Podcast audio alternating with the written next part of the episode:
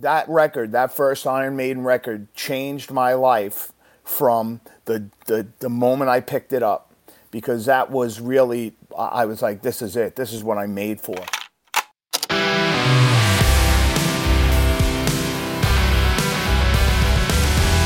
Come on, meeting. Hmm, hello. Hello. Hey, how are you? I'm doing okay. Ah, it's so nice to hear your voice. It's uh, loud and clear. All right, good. I'm glad to hear that. Hør på det her. Du hører allerede her at jeg er kjempenervøs. Det er jo bare så vidt at jeg klarer å snakke på den ganske så rustne trønder-englishen min, men mest av alt så er jeg jo glad, så klart. Utrolig glad for å være i gang med min første transatlantiske episode av Gamma Maiden og glad for at en felles interesse for Maiden, et av tidenes råeste metallband, har fulgt meg til CJ, som spilte bass i Ramones den siste tida, siste ni årene fram til 1996. Og For meg så er det et lite mirakel, egentlig, i denne pandemiskiten vi lever oppi nå, å få sitte og høre musikk i lag med en kar på andre sida av kloden, som har de beste historiene fra turnélivet med Ramones, og ikke minst da audition med Ramones, der han måtte legge Steve Harris-teknikkene sine på hylla og prøve å spille med plekter for første gang. Så Scream for me San Francisco. Her er CJ Ramone. Gammal med Torkil Thorsvik. CJ Ramone, welcome to Gammal Maiden. Thank you. Good to be here. Where Love do it. where do you live, CJ? I live in the East Bay of San Francisco. Ah, beautiful area. Yeah. I've Weather's been, real nice right now too. Yeah, I've been there once, so uh, okay, all right. But uh, it was really beautiful. This is uh, crazy because we we have a, a common friend that uh, told me that uh, C.J. Ramone, he's a he's a fan of Iron Maiden, and suddenly oh, we're, yeah. we're, we're, we're uh, talking. you have to excuse my bad English, um, but but how are you, C.J.? Doing good. I'm doing good. I've uh, I've actually um, used this whole lockdown situation to um, to my advantage. I've actually spent some time uh, taking care of my health and losing some weight and spending time with my family. So even though it's a bad, you know, it's kind of a bad situation for everybody, and especially for anybody in the music industry. Yeah. Um, I've tried to uh, I've tried to keep it as positive as I can. I heard a lot of people uh, do like you, like uh, yeah, yeah, use this time to to spend more time with their family because uh, I guess you're um, still touring when uh, when there's not um, a pandemic going. Well, 2019, I actually announced that I was not going to tour anymore. Um, ah. I do. I do still go out and play with um, a band called uh, the Gimme Gimmes which is a bunch of other guys from other bands, and we get together and do um, uh, covers from all different uh, time periods, from the 50s all the way through the 70s disco era and 80s pop, but we do it total punk rock style. So it's actually really fun. Um, so I'm still doing that, but as far as touring, I had uh, in 2019 it was 30 years for me on the road. So when the so when the pandemic first hit, there in early 2020, I had planned on taking that year off anyway. Oh, so okay. it was, you know, I couldn't have planned it any better. So, um, so I was prepared and I jumped right into, uh, like I said, ta- you know, taking care of myself. I lost a bunch of weight. I stopped drinking. I started eating better. Just get, you know, get myself healthy.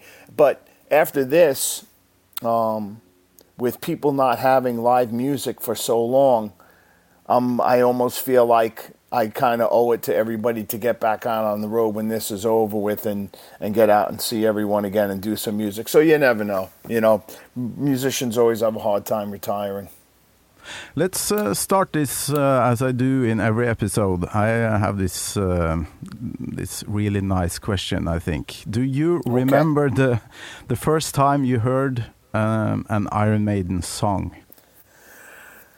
So Iron Maiden is um, the first band that I ever found on my own and started listening to. Like nobody said, "Hey, check this band out," or I didn't hear them on the radio or anything like that. Mm-hmm. Um, where I grew up in in Long Island, New York, a little town called Deer Park, um, there was a a, uh, a store across from the school that I went to called the Sweet Palace, and it was a record store, video games, um, food and candy and stuff like that. It was just for kids. Yeah. And um, I walked in one day, and in the record bin was uh, was the first Iron Maiden record. I'm guessing this is probably somewhere around maybe I want to say September, October, maybe of 1980 Wow. and um, you know, growing up as a kid, I loved comic books. I loved horror films. I anything having to do with it.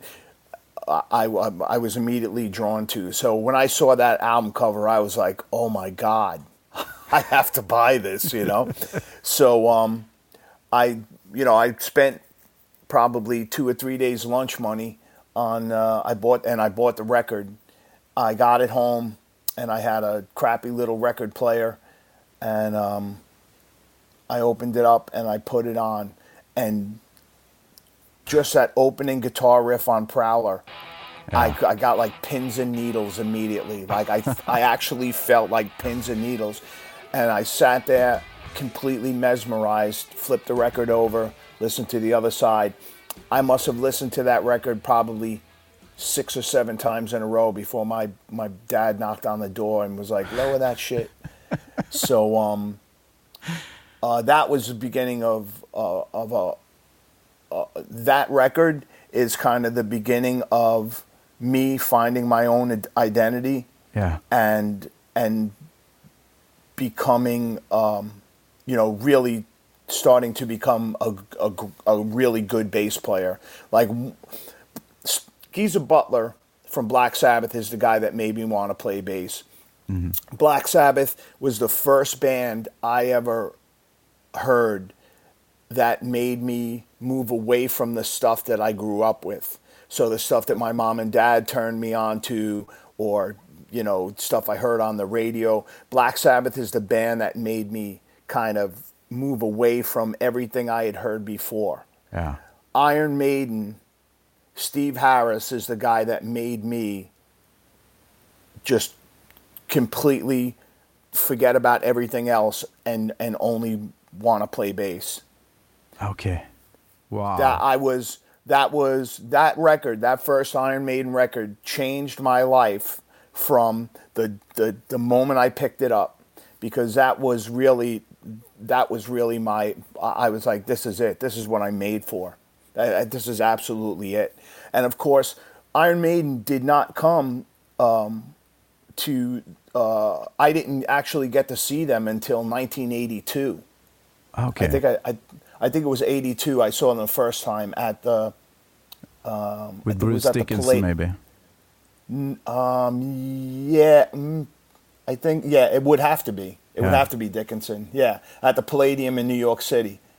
Okay. Um, and uh, and then again, I saw them. You know, I, I saw them so many times after that. But they, they, you know, to me, I I've always said since I got into the Ramones and people asked me my influence, I always said I was a total metal guy. I was totally into heavy metal. There Okay. were no punk rock bands where I lived. I loved punk rock. I listened to punk rock. I loved the Ramones. I worshipped the Ramones and Dee Dee. I was I loved the Ramones. But I played strictly in metal bands. There were no punk bands. And um, the the thing that I kind of dug about Maiden was they weren't punk, but they kind of had this this like just real street feel to them yeah. and and even though the you know lyrically um you could already tell the lyrics were more intelligent than a, a lot of the other kind of you know sex and drugs and rock and roll kind of thing. And and I was really drawn to that because I grew up I loved literature I loved poetry. I wasn't you know I wasn't just a beer drinking dum dum you know like I I I loved all of that stuff and horror movies and comic books, and they just encompassed all the parts of youth culture that I loved. Mm-hmm. It was just like it's one of those things, you know. Everyone has that um, that moment in the, you know when they're young where they where they you can almost feel yourself separating from your childhood. you know, you're like you're taking a step into like this next part of your life, and that was uh, Iron Maiden was the band that that I stepped into that next part of my life with. Mm-hmm. Oh, it's so nice. I'm sitting here in Norway. It's six uh, o'clock in the evening, and you just got up. I, I think it's early in the morning. Oh, I've been up for hours. Ah, okay, so uh, you're one of those guys. But yes. I, but I'm. Uh, I had the exact same uh, experience uh, only 10 years later in 1990 i think and okay. it's so nice to, to sit here yeah. speak with cj ramone and we got this one thing in common uh, like uh, discovering this band and did you have your own money to to buy um, records and to go to concerts and stuff? Uh, how do you yeah. get it? Yeah, so when I was younger, I um I started working when I was pretty young.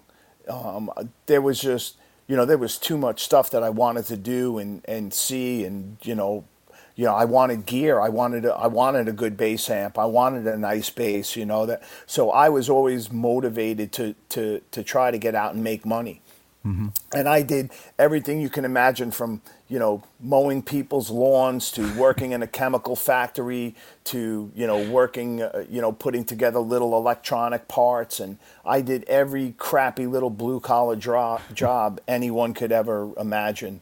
Um, and how uh, old were you uh, in this uh, uh, time?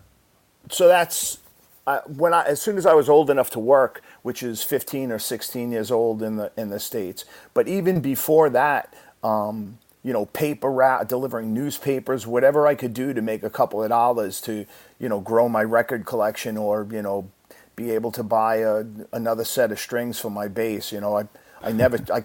I couldn't afford strings was the last thing I worried about, so I'd have the same strings on my bass for a year, you know. Um, so anytime, anything I could do to make a couple of dollars, I used to get out and try to do. And and uh, because of it, you know, I always had like a really good vinyl vinyl collection, and I would never spend money on a really good stereo though. I didn't okay. care, you know what I mean. But I always had a good vinyl collection. I still do. I still have uh, a lot of good uh, pieces of vinyl left. Yeah. Well, every guest in my podcast can uh, pick one song from the Maiden catalog, and uh, which one do you pick? So my favorite, absolute favorite uh, Maiden song, and I don't even have to give it any thought, is "Prodigal Son." Okay. Um, then I've I, always uh, had. I will try I've to always, uh, to play some of the music. Uh, do you hear this? Oh yeah. Uh huh. Yeah, love it.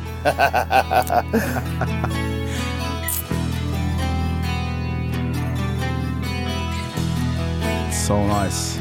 Oh yeah, really unique for them too. It's yeah. they they didn't write too many songs in this um, style. Oh, I know.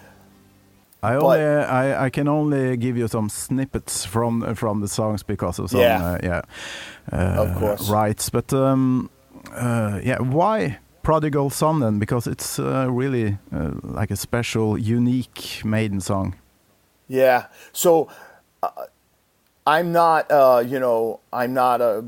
I, love the the two albums with Di'Anno.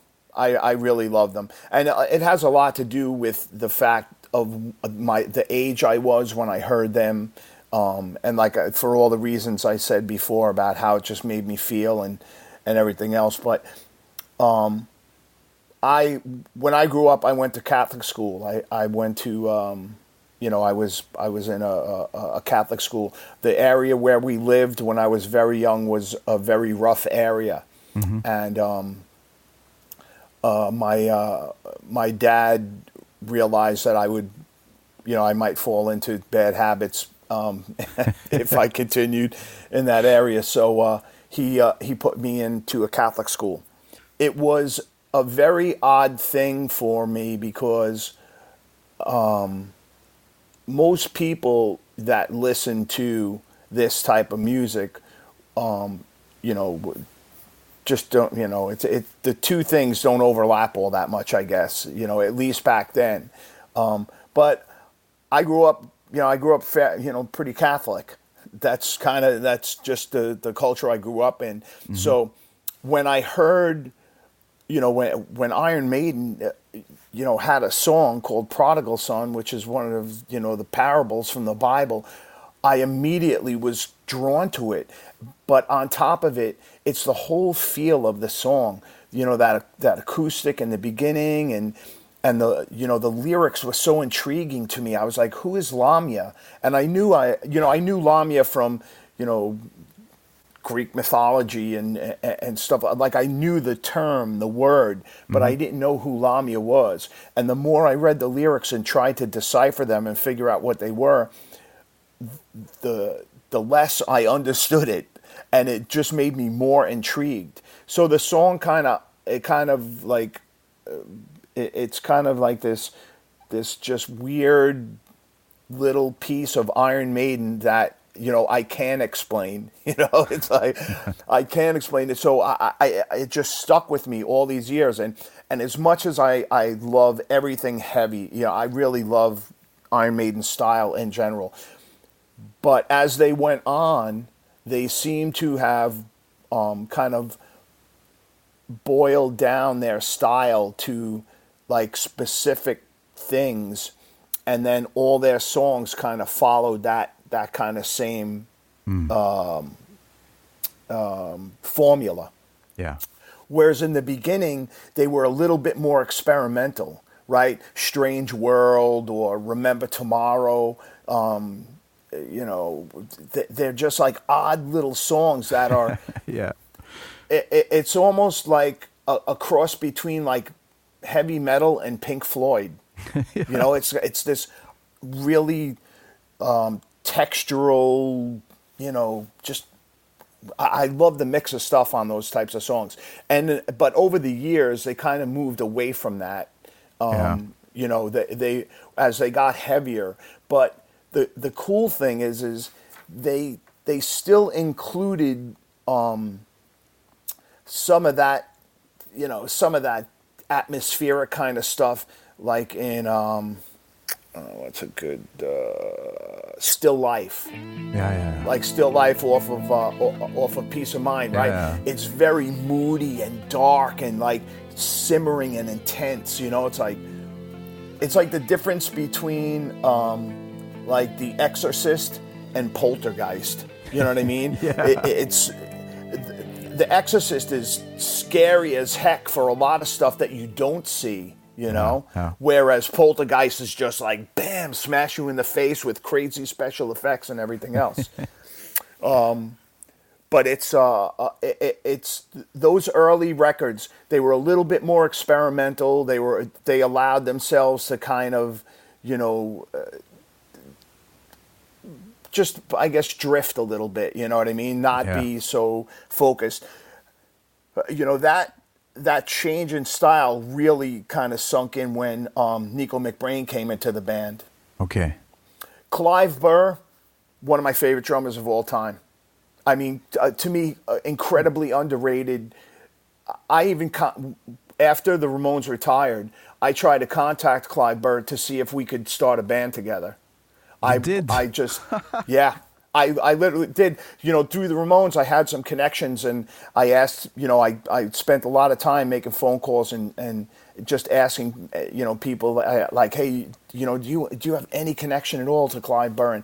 I was never able to hunt him down, but I really like, uh, I, I, I was like, I want to start a, a, band with him. You know what I mean?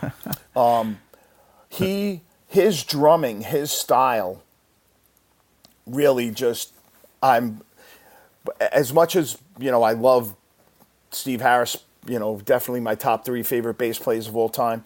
Um, I always felt like Clive Burr was kind of um, the driving force behind those those early Maiden records. Genghis Khan, or um, you know what I mean? Oh my God, like his I love drumming. it his drumming is unbelievable. Yeah. It's it really is. It's like, and he was a single bass drum player. So all that stuff you hear, that's just that's one foot. You know what I mean? And he really, uh, he, uh, you know, I, I I just really think like him and Steve Harris were just so they they almost were like I guess probably because they uh, um, you know in those early years when you're real excited and and there's very little distraction and it's just all about the music and getting together and playing and everything else before you know tour schedules and managers and you know interviews and all that stuff comes along in the beginning you you really like locking in and they just were so good together. They were so good together. Um, Did you you, know, even did you reach him? So uh, did you get to speak No. with? Uh, I was ne- I never got I was never able to get in contact with him. oh, that's too bad. Yeah. I would love to Yeah, I- uh, to to hear that band, CJ Yep. Ramone and Clive Burr. Oh, forget it. I because you know originally I, I am a I'm a finger player. I always played with my fingers before the Ramones. I never played with a pick before. Yeah, I, I, I read never that. ever. But Yeah. when when did you learn how to play uh, with uh, like down picking? After I went to my first audition with the Ramones. After your first?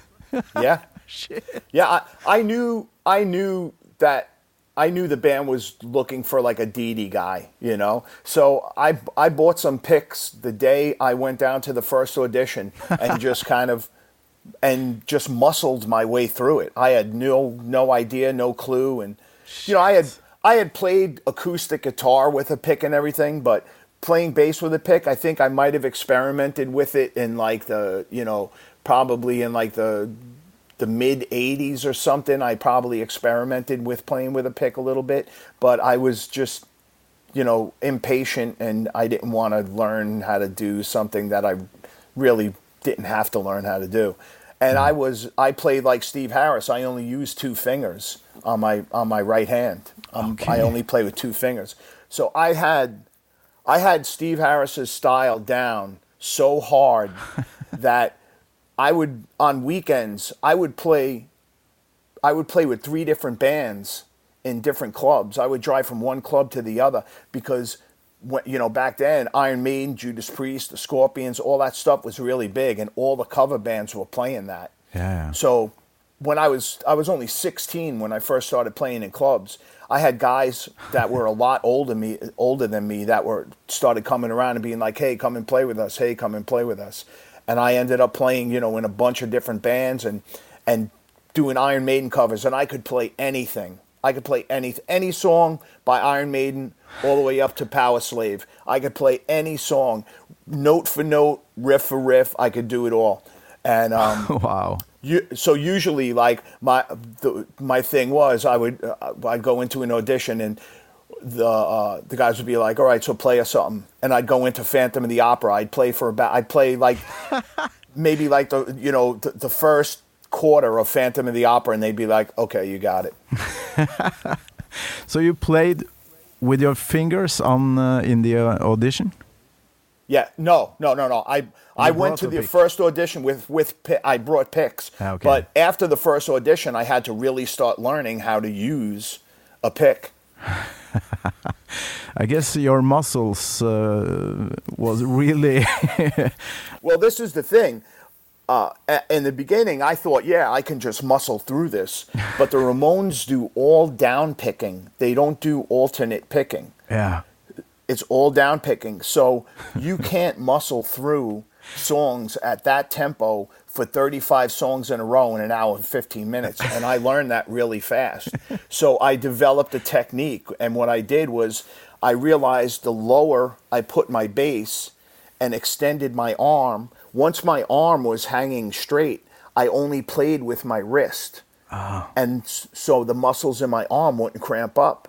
So that's why when you see pictures, my bass is hanging down by my knee. Because when your arm is straight, you take your elbow out of it, you stop using your forearm, and you ah, only use your wrist. And I, I developed that on my own. Nobody taught me that. Nobody showed me that. That was something I did. It was a, a matter of survival. Because after I had gone to, you know, two or three auditions, I realized, holy cow, I might get this gig. I better figure out how I'm going to play, you know, an hour and 15 minutes, you know, at that pace. And I sat down and I just started experimenting and I lowered my strap and I realized, wow, it got easier. So I lowered it a little more. And then once I had it all the way down to hitting my knee and my arm was straight, boom, that was it. I guess a lot of people think uh, you guys do that because it looks really cool, but uh, it's it's technique. Not for me. yeah, yeah, uh, not for me. It was it literally was a, a, a matter of survival in the Ramones. I had to find a way to do it, and that was you know that was the technique I developed.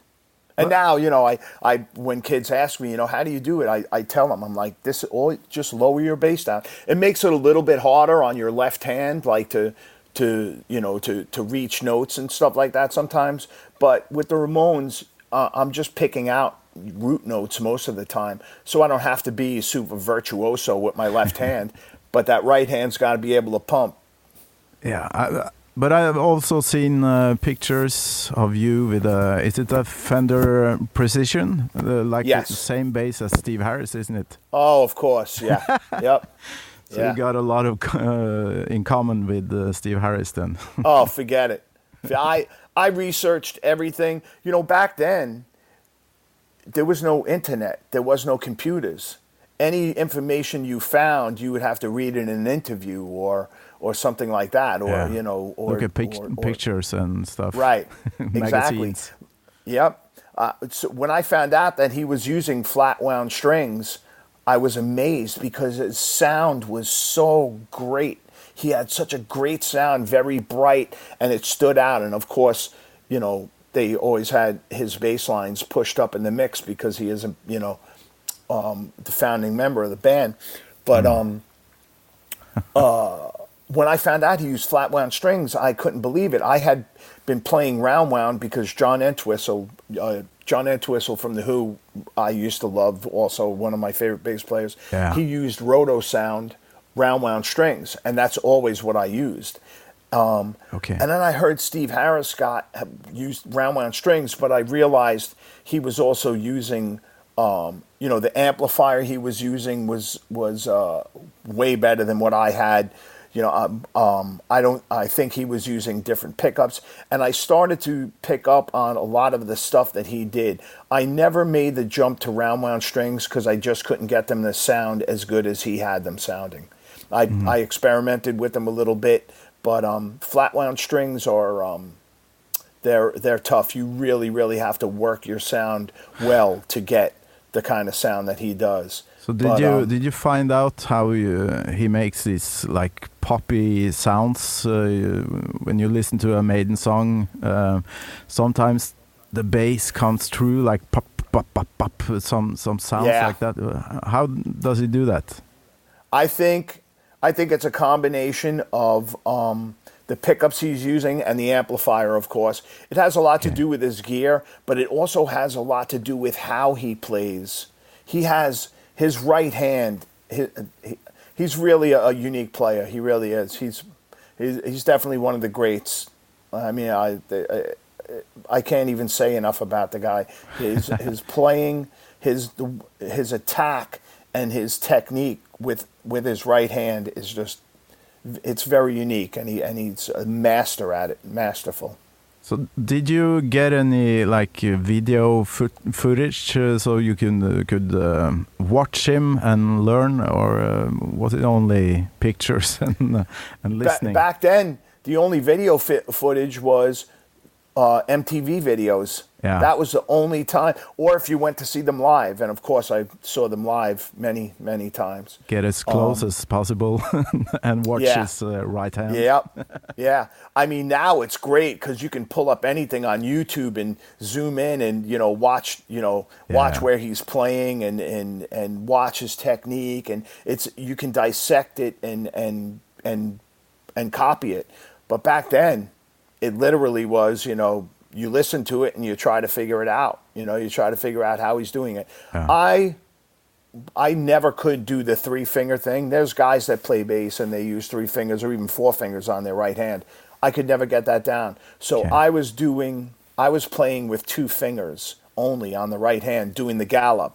Yeah. And um, so the first time I went to see them, I was close enough to watch, you know, watch closely, and I realized he was using two fingers, and I was like, all right, good, Okay. I'm on the right track. because I watched Live After Death on VHS like a hundred times, and I uh, still thought that uh, he was using um, four fingers. fingers. or three. Oh yeah, yeah, yeah. I mean, uh, he he may he may have like moved to it at some point, but I know early on he was playing with two fingers. I when I went to see him, Yeah. and all those those you know all those galloping, all that galloping that he does, that was all with two fingers. Yeah. And uh, you know, I mean, there are some songs that are just you know bass playing wise like especially the epic songs right i call them their epics you know um uh, fan of the phantom of the opera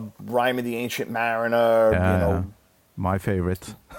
yeah, uh, to tame a land you know Mm-hmm. those are like epic creations you know and Yeah. in those songs he always does those nice little melodic solo uh, melodic bass solo kind of parts you know where it's just bass and maybe drums and vocals guy is just unreal Yeah, I he, know. he really he created such a unique style and nobody has been able to match it or copy it or you know uh, like what bands can you listen to and go oh yeah that sounds just like iron maiden. Nobody. Never happened.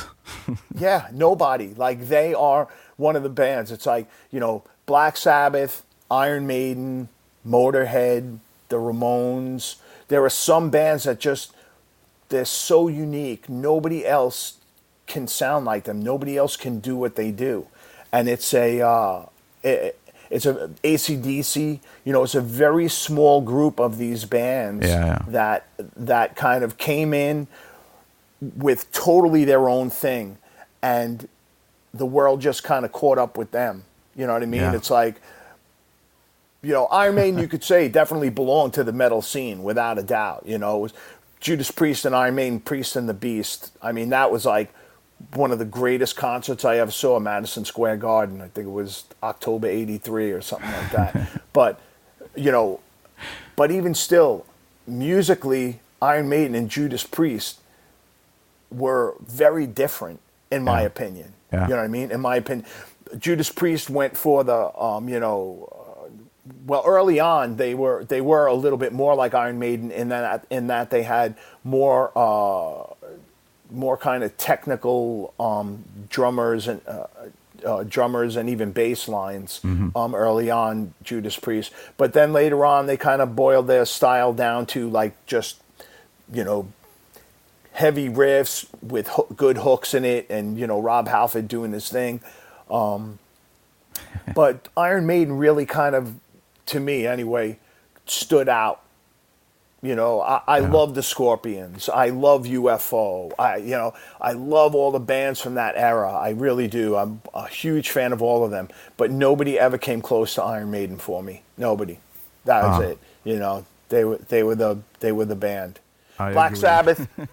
Black Sabbath will always be my favorite band of all time, without a doubt. But like I said, you know, learning to play and and and and just kind of stepping away from everybody else and everything I knew before it and everything else, Iron Maiden's the band that I kind of stepped into. Yeah, and Geezer Butler is, um, yeah, he's got a lot of common with uh, Steve Harris. He he writes lyrics, he writes Yep. songs, and he Yeah. he's got this huge plan.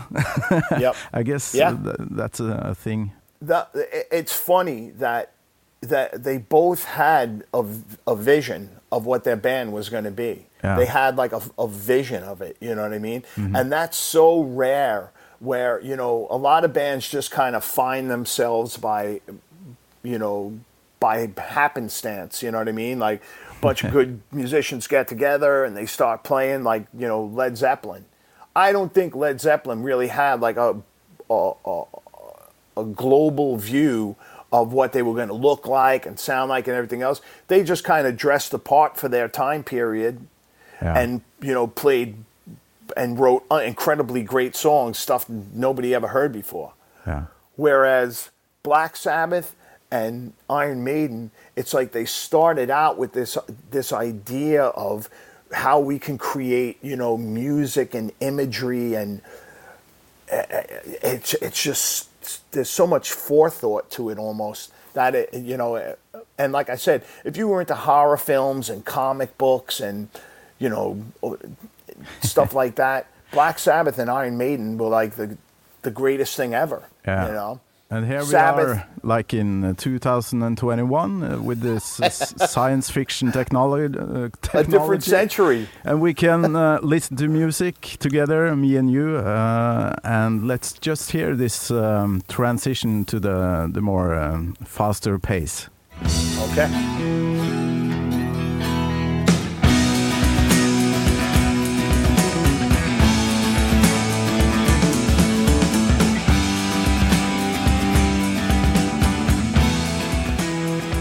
Clive Burr. oh, that's Oh the man. man. oh God. So nice. And Yeah. uh, so yeah, it's a, th- there's no other uh, Maiden song with this kind of uh, rhythm. I think. Yeah, yeah. You know, I, I, I've I've toyed around with the idea of doing uh, a, uh, an acoustic version of that. I've I actually started um, trying to figure out how I could do that um, with just the acoustic and singing. Yeah. Um, uh, and I'll, I'll probably get to it at some point and just throw it up on my on my Facebook page as a uh, you know as a post uh, for my followers and stuff. But the um, You got some acoustics on your last the the Holy Spell uh, album from Yeah. 2019. Yep. I, um, you know that that's kind of the the thing that I I really love about both Black Sabbath and Iron Maiden. Um, that got lost in heavy metal over the years, and that you know they understood the you can't just do everything one way. You know, you can't just be every song can't be heavy. Every song can't be about, you know, nuclear destruction or the devil or, or you know what I mean? Like they they understood like you have to have other stuff, you know, other things to say. Um, Yeah. and if it isn't something you feel strongly about, you have to have good influences. So the the, the that's what I always loved about both the bands. I mean, literature and poetry, and th- there's so much to their music, so much lyrically. There's so much to what they're doing. Yeah. And even later on, when, when Dickinson comes into the band, you know, um, Sunlight and Steel, and you know, uh, Aces High, and all these military themed uh, uh, songs and stuff. I love the I love history. You Yeah. know, I, I absolutely love history. So I was so drawn to that stuff. You know, I was. I, I- immediately I got I got uh, I got pulled into it. It was you know, Phantom of the Opera. You know, I'm, I know I mentioned that one a lot. It's one of my favorite songs. But Yeah, yeah. you know, I saw the movie when I was a kid. I, I I knew about it. You know, and they almost take you. You know, they take you on these. The songs take you on these journeys through the stories, and if I'm the type of person, if, if I listen to a song, I'm listening to the lyrics. I get like visual pictures in my head you know so as i'm listening to phantom of the opera i'm, I'm as seeing the movie you know? Or um, uh, as i'm uh, as a you know you listened to, you know the twilight zone right? The twilight zone was one of my favorite tv shows Yeah, you know yeah, so there was so much of what they wrote about and uh, and played I- I just related to in a way that I never related to another band. Yeah, and I I remember um, uh, listening to the number of the beast, and then I I found this uh, yeah this text, and wow, it's from the Bible, and then I found Yeah. it in my parents' Bible, and it was uh, oh my God, this is Yeah. huge! Yeah. I have to Yeah. I have to uh, dive deep in this uh, all these Yeah. lyrics, and uh, yeah, it, it became a small religion.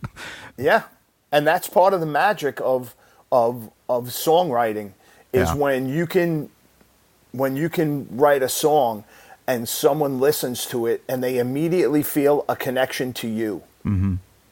right? So, you know, look at a song like Invaders, right? And I must have read I must have read stories like that since you know since I'm a, a young boy, reading stories about you know the invasions all over the world and Yeah. not just modern day, but you know history and uh, and uh, so immediately it's like, oh my God, I know what he's talking about. You know, it's it's it's such a it, it really music is such a cool thing. It's the the way that you connect with people and the way that you know the way that you make people feel because of that connection by by doing something that you love to do and putting all you know everything you have into it and besides all the other nice stuff that comes along with it you know eh, that is like such a really special part of music Yeah, and meeting up with your um, with your friends and uh, showing them Oh, your yeah. your new album with the cover, and you Yeah. have to uh, discover all the details that uh, Derek Yeah. Riggs drew. Oh. Uh, the covers, Amazing. they are Yeah. so beautiful. yep So, uh, Yeah. how, how did you uh, react when you saw uh, like Eddie for the first time? Can you remember? Oh, on stage? Oh, forget it, forget it. I mean, that's the that's the unique thing about about Iron Maiden too is nobody ever had the theatrics they had. I mean, Alice Cooper, you know what I mean? Alice Yeah. Cooper definitely had a, a crazy theatrical show, but you know, other bands relied on solely on lights and explosions and everything else. Yeah. But uh, a couple years back, oh, I, I don't even remember how long ago, I, I took my kids, my whole family, to go see Iron Maiden at um, Jones Beach Theater on Long Island. Okay. Um, I can't remember what tour it was, but um, you know they had the huge screen where they showed all the different album covers. They were playing songs from, from just about from everything, Yeah. and they showed all the different album covers. And Eddie came out, and it, it was so such. I mean, there was so much going on besides them and what they do on stage and the lights and everything else and the music. Just the image of Eddie, I mean, everyone who's you can't look away from it. It's just so it's just great. Yeah, it's realistically to me, um, Eddie has become, you know, an Eddie's like an icon. Yeah. you know I mean. Anywhere you go in the world, I don't care if you're in India, China, you know, Japan, uh, go anywhere in the world, and and ask, and you will find Iron Maiden fans. Yeah, yeah, yeah. And even people who don't know Iron, Iron Maiden will recognize Eddie. Oh, yeah. You know, I, I, I- that image has been plastered everywhere on the planet, uh, and uh, you know that just another really um, great, great uh, decision, and really shows vision um, uh, from Steve Harris Yeah. to to be able to make that connection. Like, yeah, that's what we want. You know, that's what we need. CJ, we have to uh, hear the voice of this uh, fantastic singer, um, Paul Di'Anno.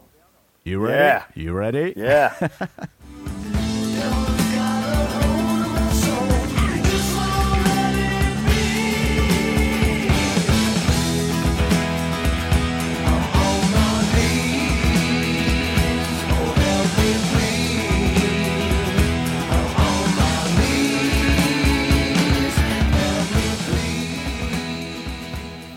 God, it's so beautiful. yeah. Yeah. I don't think Yeah. they ever uh, played this song live. Yeah, I don't think so. I've I've never heard a live recording of it. No, and I don't think Bruce Dickinson could do this. like, uh, I think this uh, chorus is so beautiful when he, uh, Yeah. when Paul Di'Anno sings this. I have a good story about Paul Di'Anno. A few years back, um, Paul Di'Anno spent a lot of time in Brazil. I believe he was married to a, a Brazilian gal for a while, or living with a Brazilian gal. Okay. Um, and I had a connection to him through uh, somebody that I was working with there. Um, and uh, we were talking one day about Iron Maiden, and you know, I was just raving about Paul Di'Anno, and you know, I heard that he was in in uh, in Brazil at the time, and I was trying to get her to come down because he had done a, a cover of Blitzkrieg Bop, and I was trying to get him to come down and and uh, and sing it with me and my band on stage, um, and uh, and I forget what was going on. He had something going on, and and he wasn't able to come or anything. Okay. So I said to her, you know, let him know I can play any song that he ever did with Iron Maiden.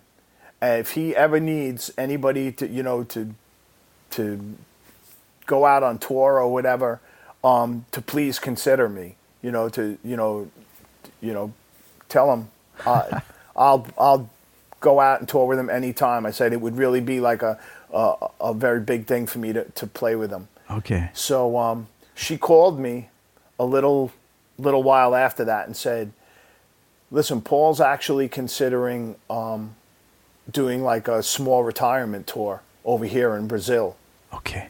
and he wanted to know if you were interested in playing bass." and I was like, "Oh my god!" so um, so I, I told her, I said, you know, yeah, you know, uh, anything I have going on, I'll cancel. Ju- you know, tell him to pick whatever dates he wants. I'll I'll I'll be there. Um, but unfortunately, it did not happen. It didn't come to fruition. And, uh, Oh. What I year? kind of- What year was this? Um, this isn't too long ago. Maybe four or five years ago. Maybe Okay. maybe if maybe a little bit more. But it was it was definitely around that time, four or five years ago. Maybe a little bit more. Ah, that would be really Oh, yeah. nice. Oh, forget it. Forget it. I, I, I would have, I would have done anything to to to have been able to do that. Uh, but um, but it was nice that he actually, you know, reached out and and considered me for it. You know, those two records. I know they. I know they said you know they they let Paul Di'Anno uh, go or he left because um, he couldn't keep up with the schedule. You know, he was having Okay. trouble keeping up with the schedule. Yeah. And I think they said the same thing about Clive Burr. Yeah. But and I- and I kind of I understand that because even within my own band, um, you know, I've had guys that that are great players and and love touring, Mm-hmm. but they come out on the road with came out on the road with me and they got burnt out really quick. yeah.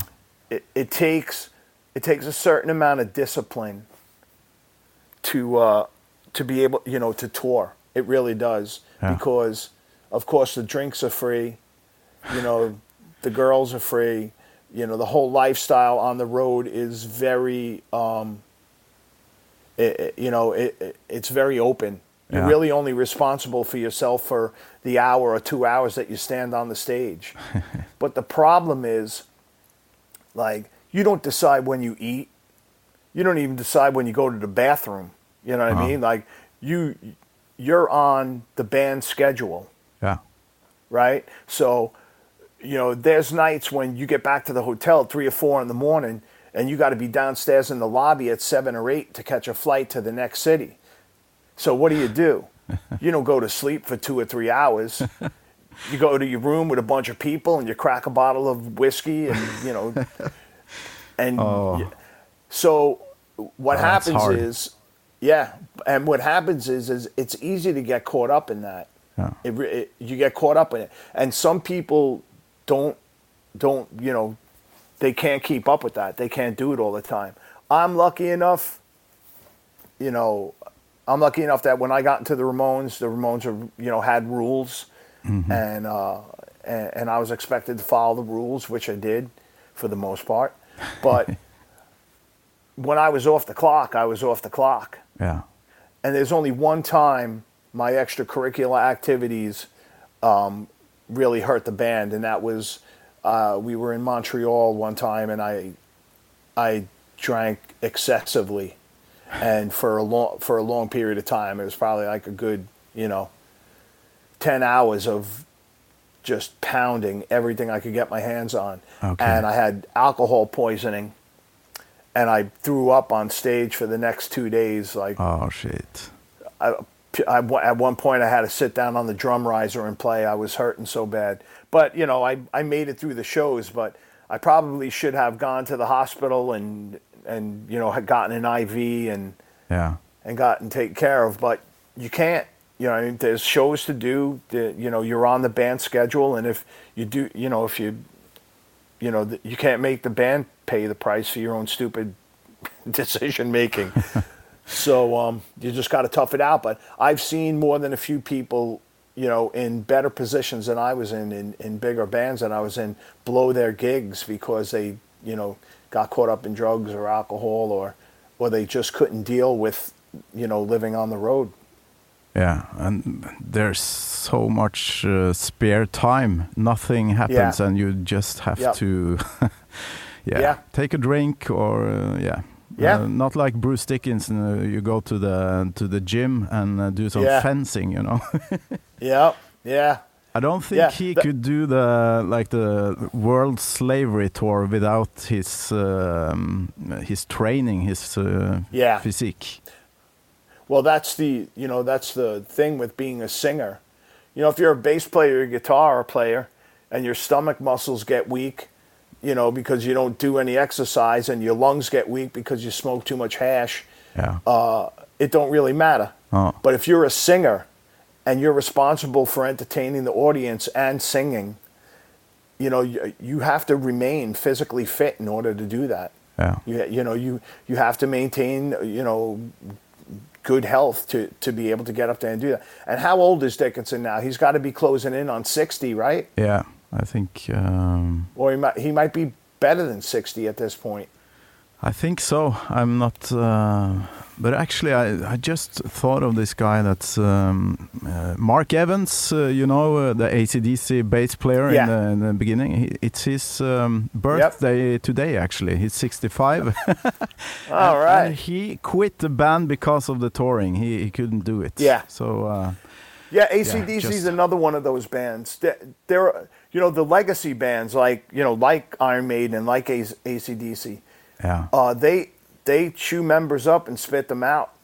yeah. you know I mean? You if you're not, you know, if you're not the kind of person that the road is your life, you don't last in those bands. But you know, in in uh, in his defense, how many years do you put in with a band?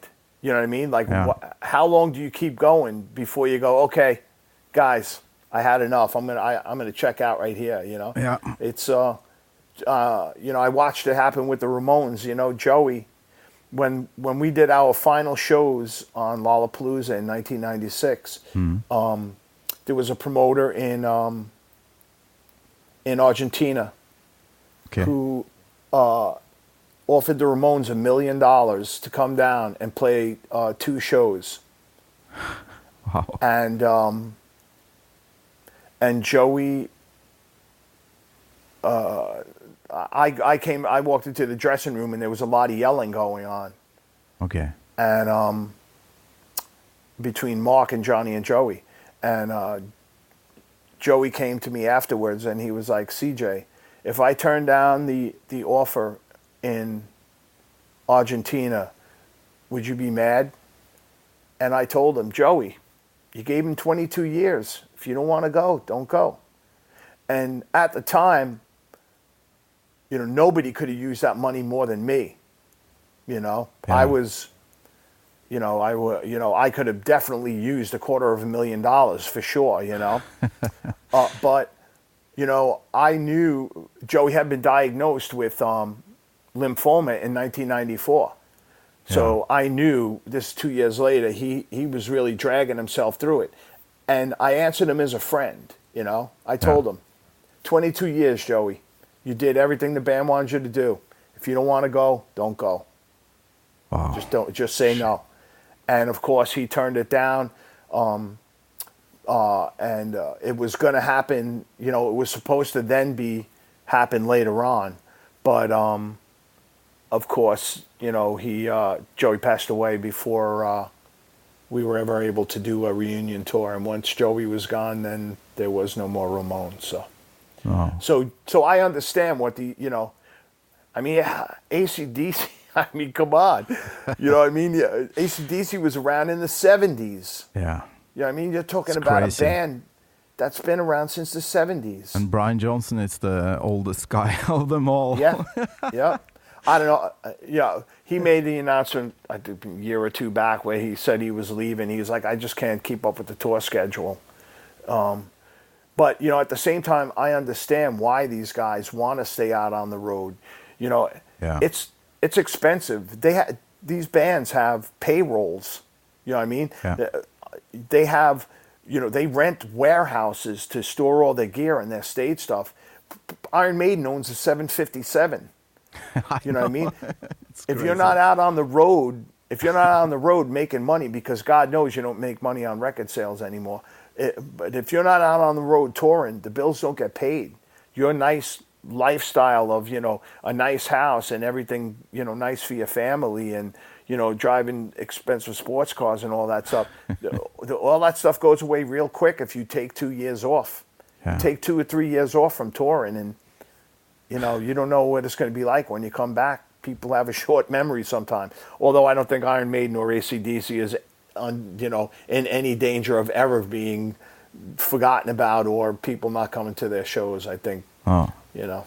But uh, you you started um, as a bass player in in a band that you loved. You loved Dee Dee, and uh, how was that to to uh, pick up the the bass and do that job? Uh, thinking of yeah your background, your um, you loved Dee Dee so much. Uh, how was it?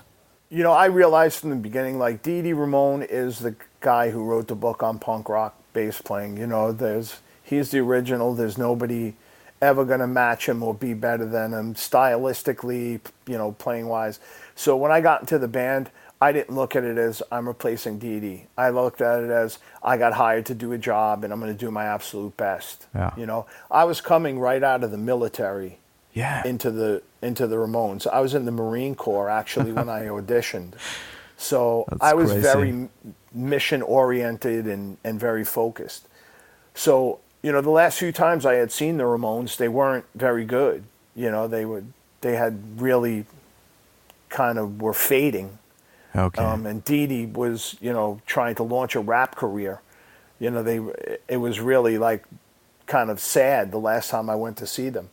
So when I got the audition, in my mind, I wanted to make them exciting like they were when I first saw them. okay. You know, like I was like, I'm gonna I'm gonna get on stage and I'm just gonna go for it, you know. And from years of playing in heavy metal bands and you know, banging my head and thrashing and stuff, uh, I was always very physical on stage playing heavy metal. So um, when I got into the Ramones, I brought that aggressive stage presence and you know to the band yeah. and um, and kind of reignited the spark um, for Johnny and Joey also because I think once they saw, well, they they actually told me and have said it in interviews that once they saw what I was doing, they were like, oh. We, we better step it up a little bit here. We can't let the new guy outshine us, you know. so um, And you also did a lot of uh, singing, vocals. yeah, And still I goes on to rattle my arms and the number 13 is my good old job. My baby. Yeah, jo- you know, Joey.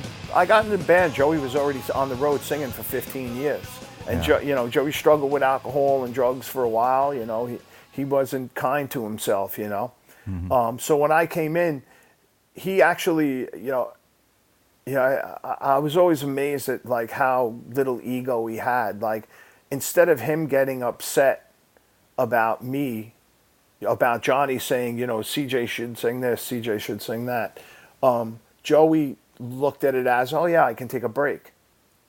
Okay. Like, and and he would tell me, yeah, you should sing that song. You should sing. I like the way you sing that. You know. wow. So because Joey didn't come to rehearsals, so I would sing all the songs at rehearsals Ah, okay. you know when we were when we went in to record the records i sang all the scratch vocal tracks i sang all the new songs at the rehearsals i sang everything so i i you know i took it on as as my job to help the band out but of course it turned into me singing um, more and more songs with the band until i was singing four or five songs a night Wow, I, I didn't know that uh, that he didn't show up to the rehearsals. Uh, Yeah. Did Yeah, he Joey was struggle? very fragile. He was very fragile. His health was fragile. You know, he was uh, he was never uh, you know very healthy from when he was young. Um, to save his voice, he wouldn't come to practice, and you know he took a lot of singing lessons, and it took a lot to keep Joey going. You know, Yeah. our tour manager Monte Melnick was basically um, Joey's kind of personal assistant when we were on the road. Besides being the tour manager. What kind of mood was there in the band when you started? Uh, were there friends or uh, It, it was, was, there a lot it of was strange. strange? Yeah, it, was strange. Oh. Um, there was a lot of internal conflict from you know from for years within the band. Um, you know there was struggles over you know girls and and uh, you know drugs and alcohol problems, and there was always a lot of internal conflict in the band. Um, so the van was often quiet. Yeah, okay. Johnny and Joey only talked when they had to as a matter of business. Um, uh, I learned to, you know, I learned to just kind of sit back and and be quiet, be quiet. But you know, I was I, I always loved to read and I listened to music constantly. So I sat in the back row in the van with my Walkman on. I had a Walkman and brought my tapes on the road with me, and I would read. I I'm a voracious reader. I would read sometimes two or three books in a tour. so you sat so- there uh, listening to uh, Iron Maiden songs in the back Oh uh, yeah, of of the course, bus. of course, and everything else. I mean, you know, by the time I got into the Ramones, you know, I was listening to just about everything. It was funny, uh, you know. Sometimes at soundcheck, I'd break out some Iron Maiden riffs. You know, like I just start playing some, uh, you know, like "Rhyme of the Ancient Mariner" or something, and uh, once in a while, Mark would jump in and play, a, you know, play a little something uh, behind it. But um, yeah, oh yeah, yeah. so nice. I think I'll have to uh, to play the um, the song ending here, "Prodigal Son." Um, All right. Let's just listen.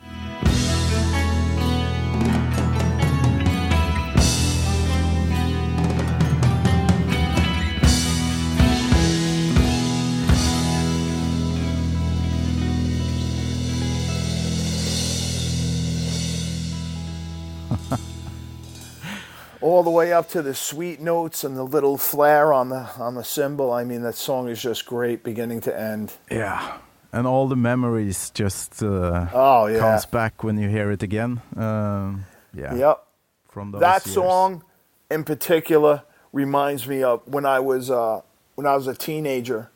Um, there was a closed down psychiatric building. It was the tallest building on Long Island. Okay. It was many stories. Um, and it was, you know, just all torn up. But we used to sneak in there at night and we would climb all the way up to the top of the roof.